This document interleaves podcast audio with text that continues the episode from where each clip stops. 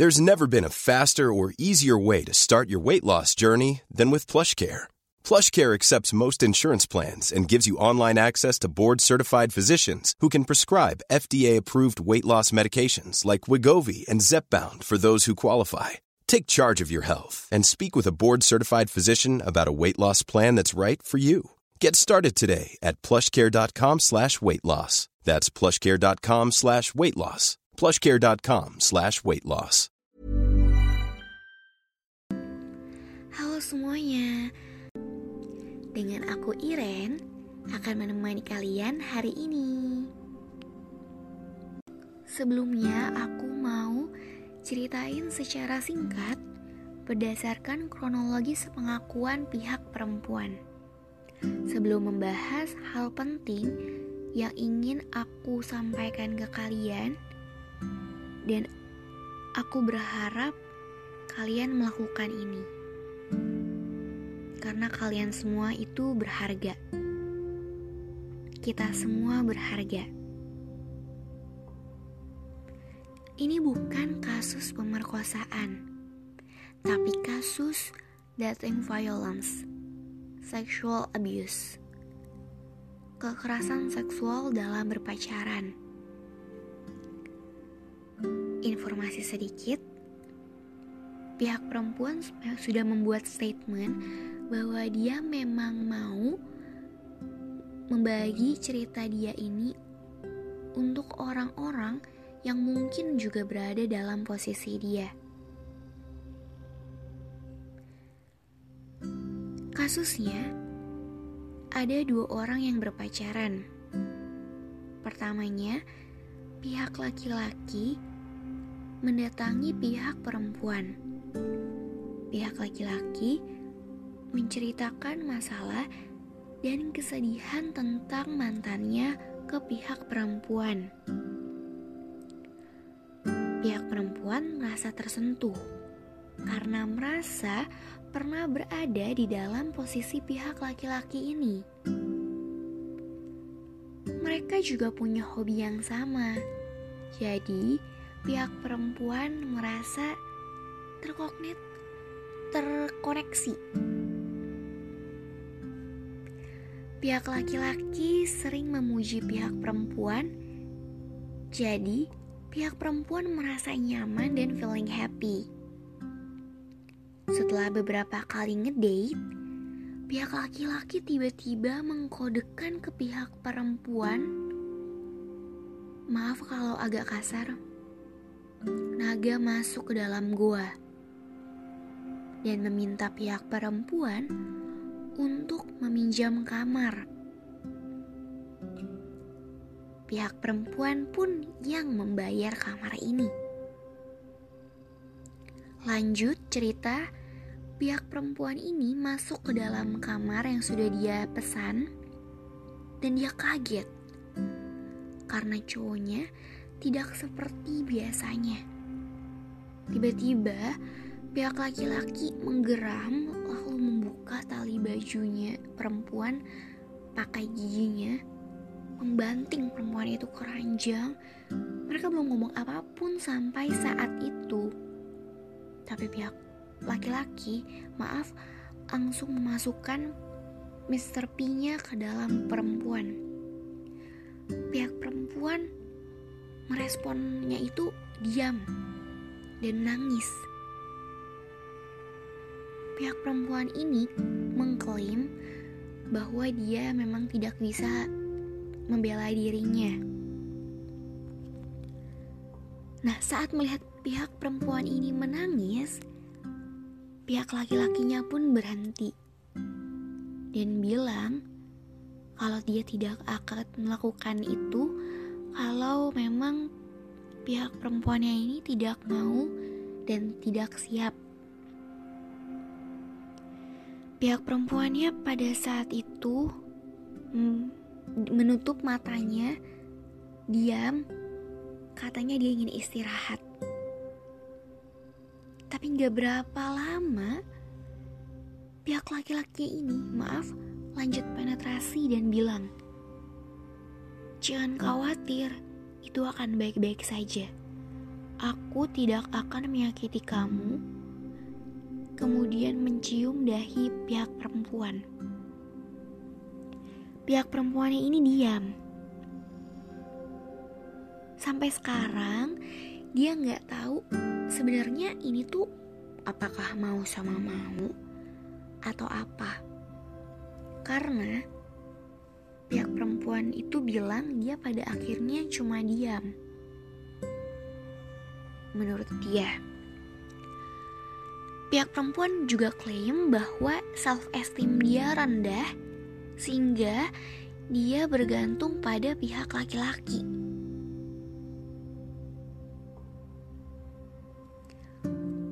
Untuk mempersingkat, pokoknya ini sudah terjadi empat kali. Dan tiga kali yang pertama itu sebelumnya sudah disuruh oleh pihak laki-laki untuk menggugurkan memakai obat. Di mana katanya, karena sering minum obat, pihak perempuan beberapa kali mengalami pendarahan dan lemas. Nah, pas yang keempat kalinya, terakhir kalinya, janin dalam perempuan tidak bisa digugurkan dengan obat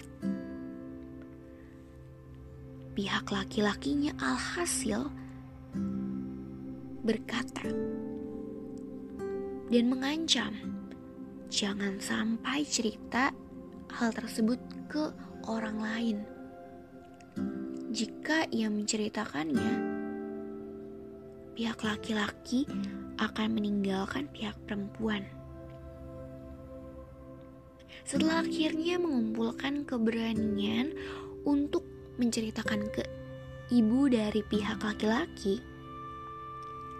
Sayangnya, respon dari ibu perempuan, maaf, respon dari ibu pihak laki-laki adalah mengajak perempuan ini ke tempat aborsi dan berkata, "Kamu sayang kan sama si bla bla bla?"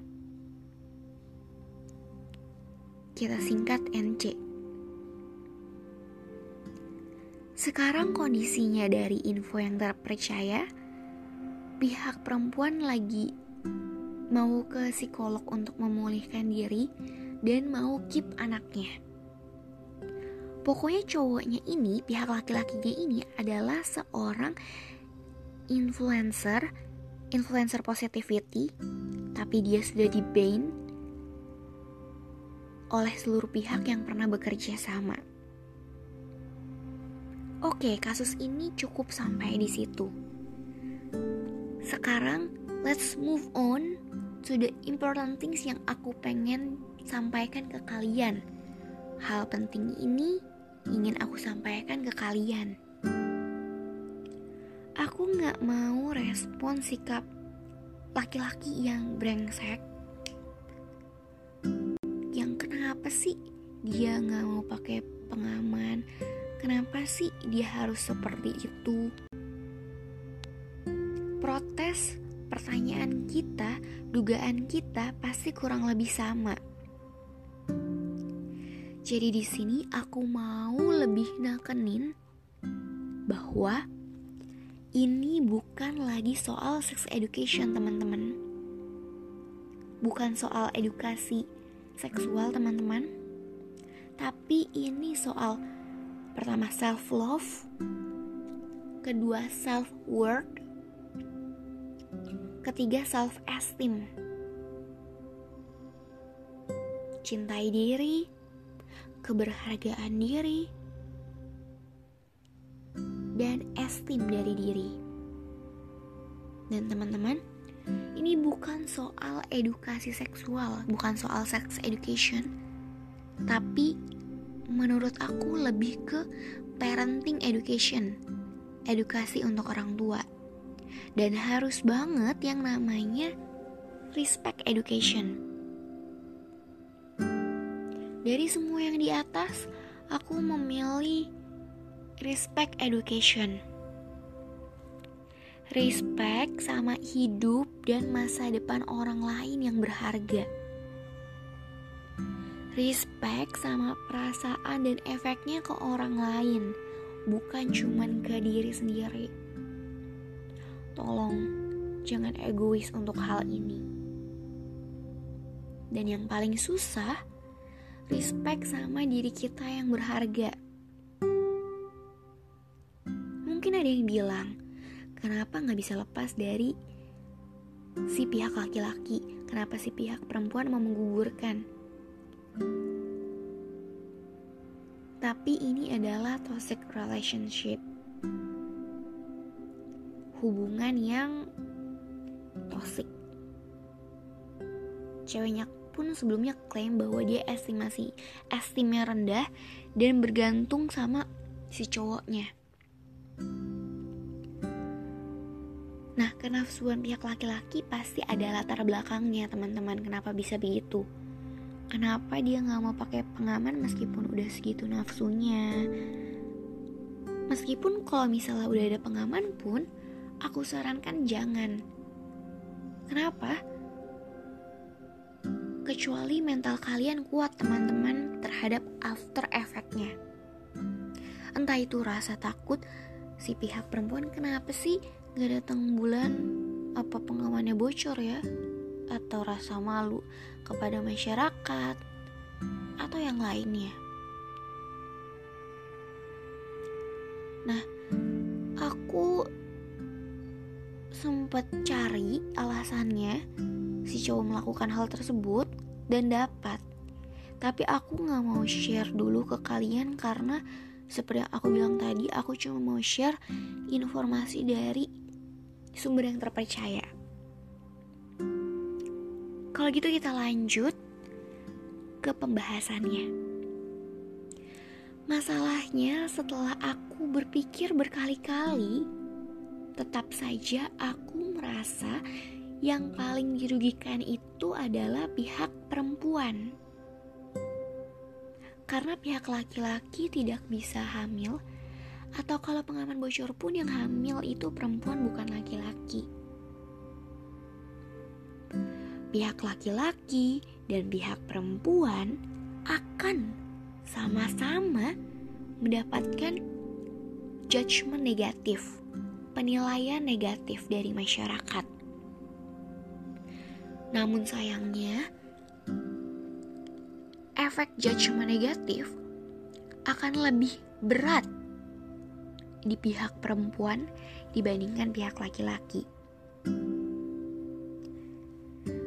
kalau ketahuan publik, memang pihak laki-laki akan dikata-katain sama pihak masyarakat. Tapi bisa aja tetap ada yang mau sama dia, entah dengan rayuan manisnya atau semacamnya. Tapi teman-teman, kalau pihak perempuan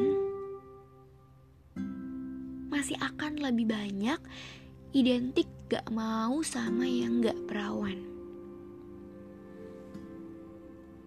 Ketika ada yang mau sama yang gak perawan, pihak perempuan lah yang akan merasa bahwa tidak ada pihak laki-laki yang mau sama dia. Merasa bahwa yang mau sama dia cuman pihak laki-lakinya itu sehingga dia akan kembali lagi ke pihak laki-laki yang sebelumnya.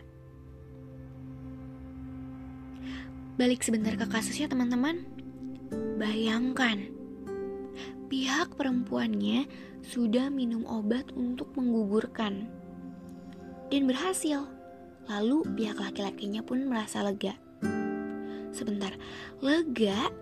Berani-beraninya pihak laki-laki merasa lega.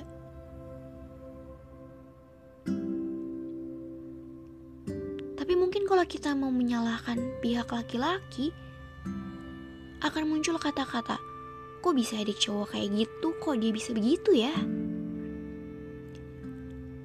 Kita nggak akan pernah ada yang tahu kenapanya, karena kita nggak tahu masa kecilnya dia bagaimana.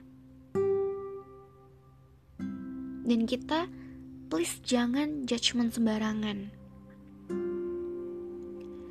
biasanya karena kebetulan aku itu mahasiswa psikologi, dari yang udah aku pelajarin atau dari kasus-kasus yang serupa, ada kemungkinan, tapi ini bukan sesuatu fix ya teman-teman. Ini adalah salah satu dari sekian banyak opsi yang bisa dijadikan alasan. Dan aku memilih alasannya itu kalau menurut aku di dalam keluarganya mempengaruhi perilaku dia yang seperti itu. Entah masa kecilnya, orang tuanya, pola asuhnya. Dari berita juga dibilang pas pihak perempuan kasih tahu ke ibu perempuan, ibu perempuan malah menyuruh untuk aborsi dan bilang kamu sayang kan sama si NC? Oke, menurut aku kita balik ke pembahasan. Ada kesalahan dalam kata-kata dan respon tindakan ibu dari pihak laki-laki. Menurut aku, Mungkin ibu dari pihak laki-laki kesulitan untuk memposisikan diri dia sebagai sesama perempuan.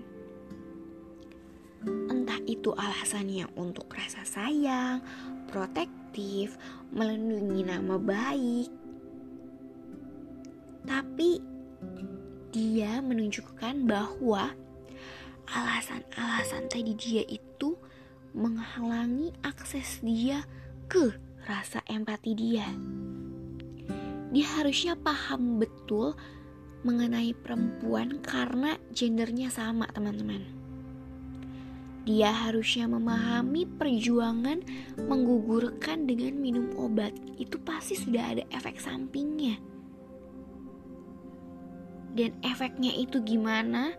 Bahkan ini bukan cuma satu kali, sudah tiga kali. Sampai-sampai di percobaan keempat kali obatnya sampai tidak berefek lagi. Ibu dari pihak laki-laki ini juga menutup mata akan kesalahan anaknya.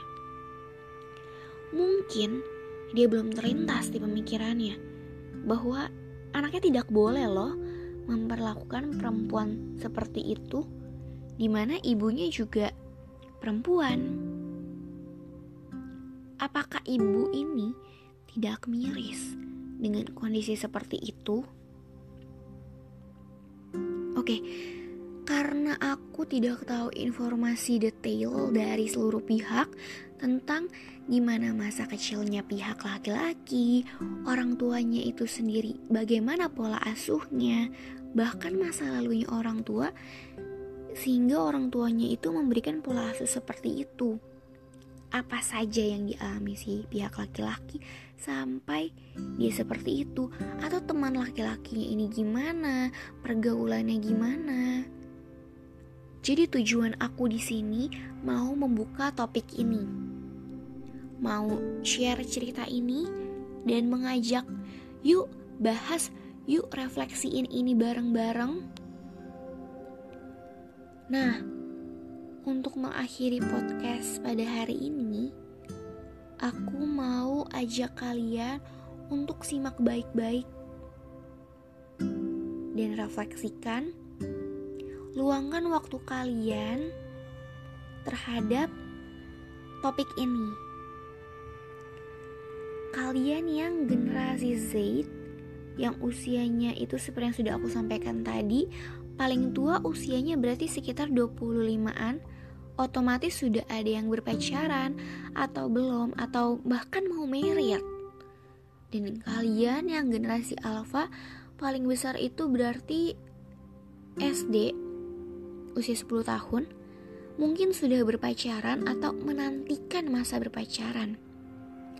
Tolong refleksikan, tolong respect diri kalian dan respect orang lain. Kalian semua, aku mau menekankan di sini. Jangan menggantungkan kebahagiaan seluruhnya sama orang lain.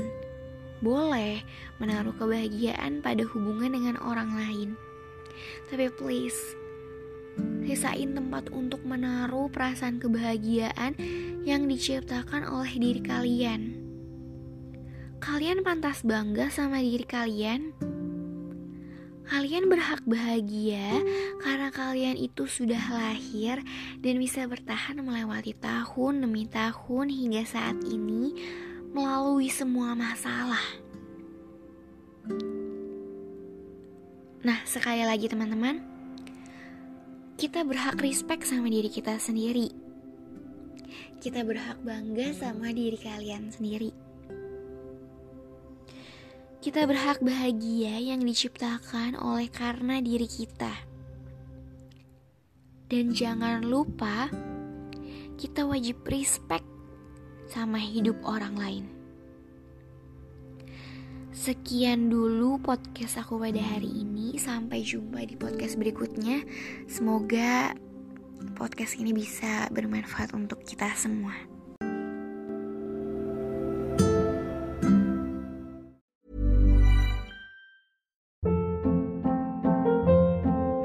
Hold up. What was that? Boring. No flavor. That was as bad as those leftovers you ate all week. Kiki Palmer here, and it's time to say hello to something fresh and guilt-free. Hello Fresh. Jazz up dinner with pecan-crusted chicken or garlic butter shrimp scampi. Now that's music to my mouth. Hello Fresh. Let's get this dinner party started. Discover all the delicious possibilities at hellofresh.com.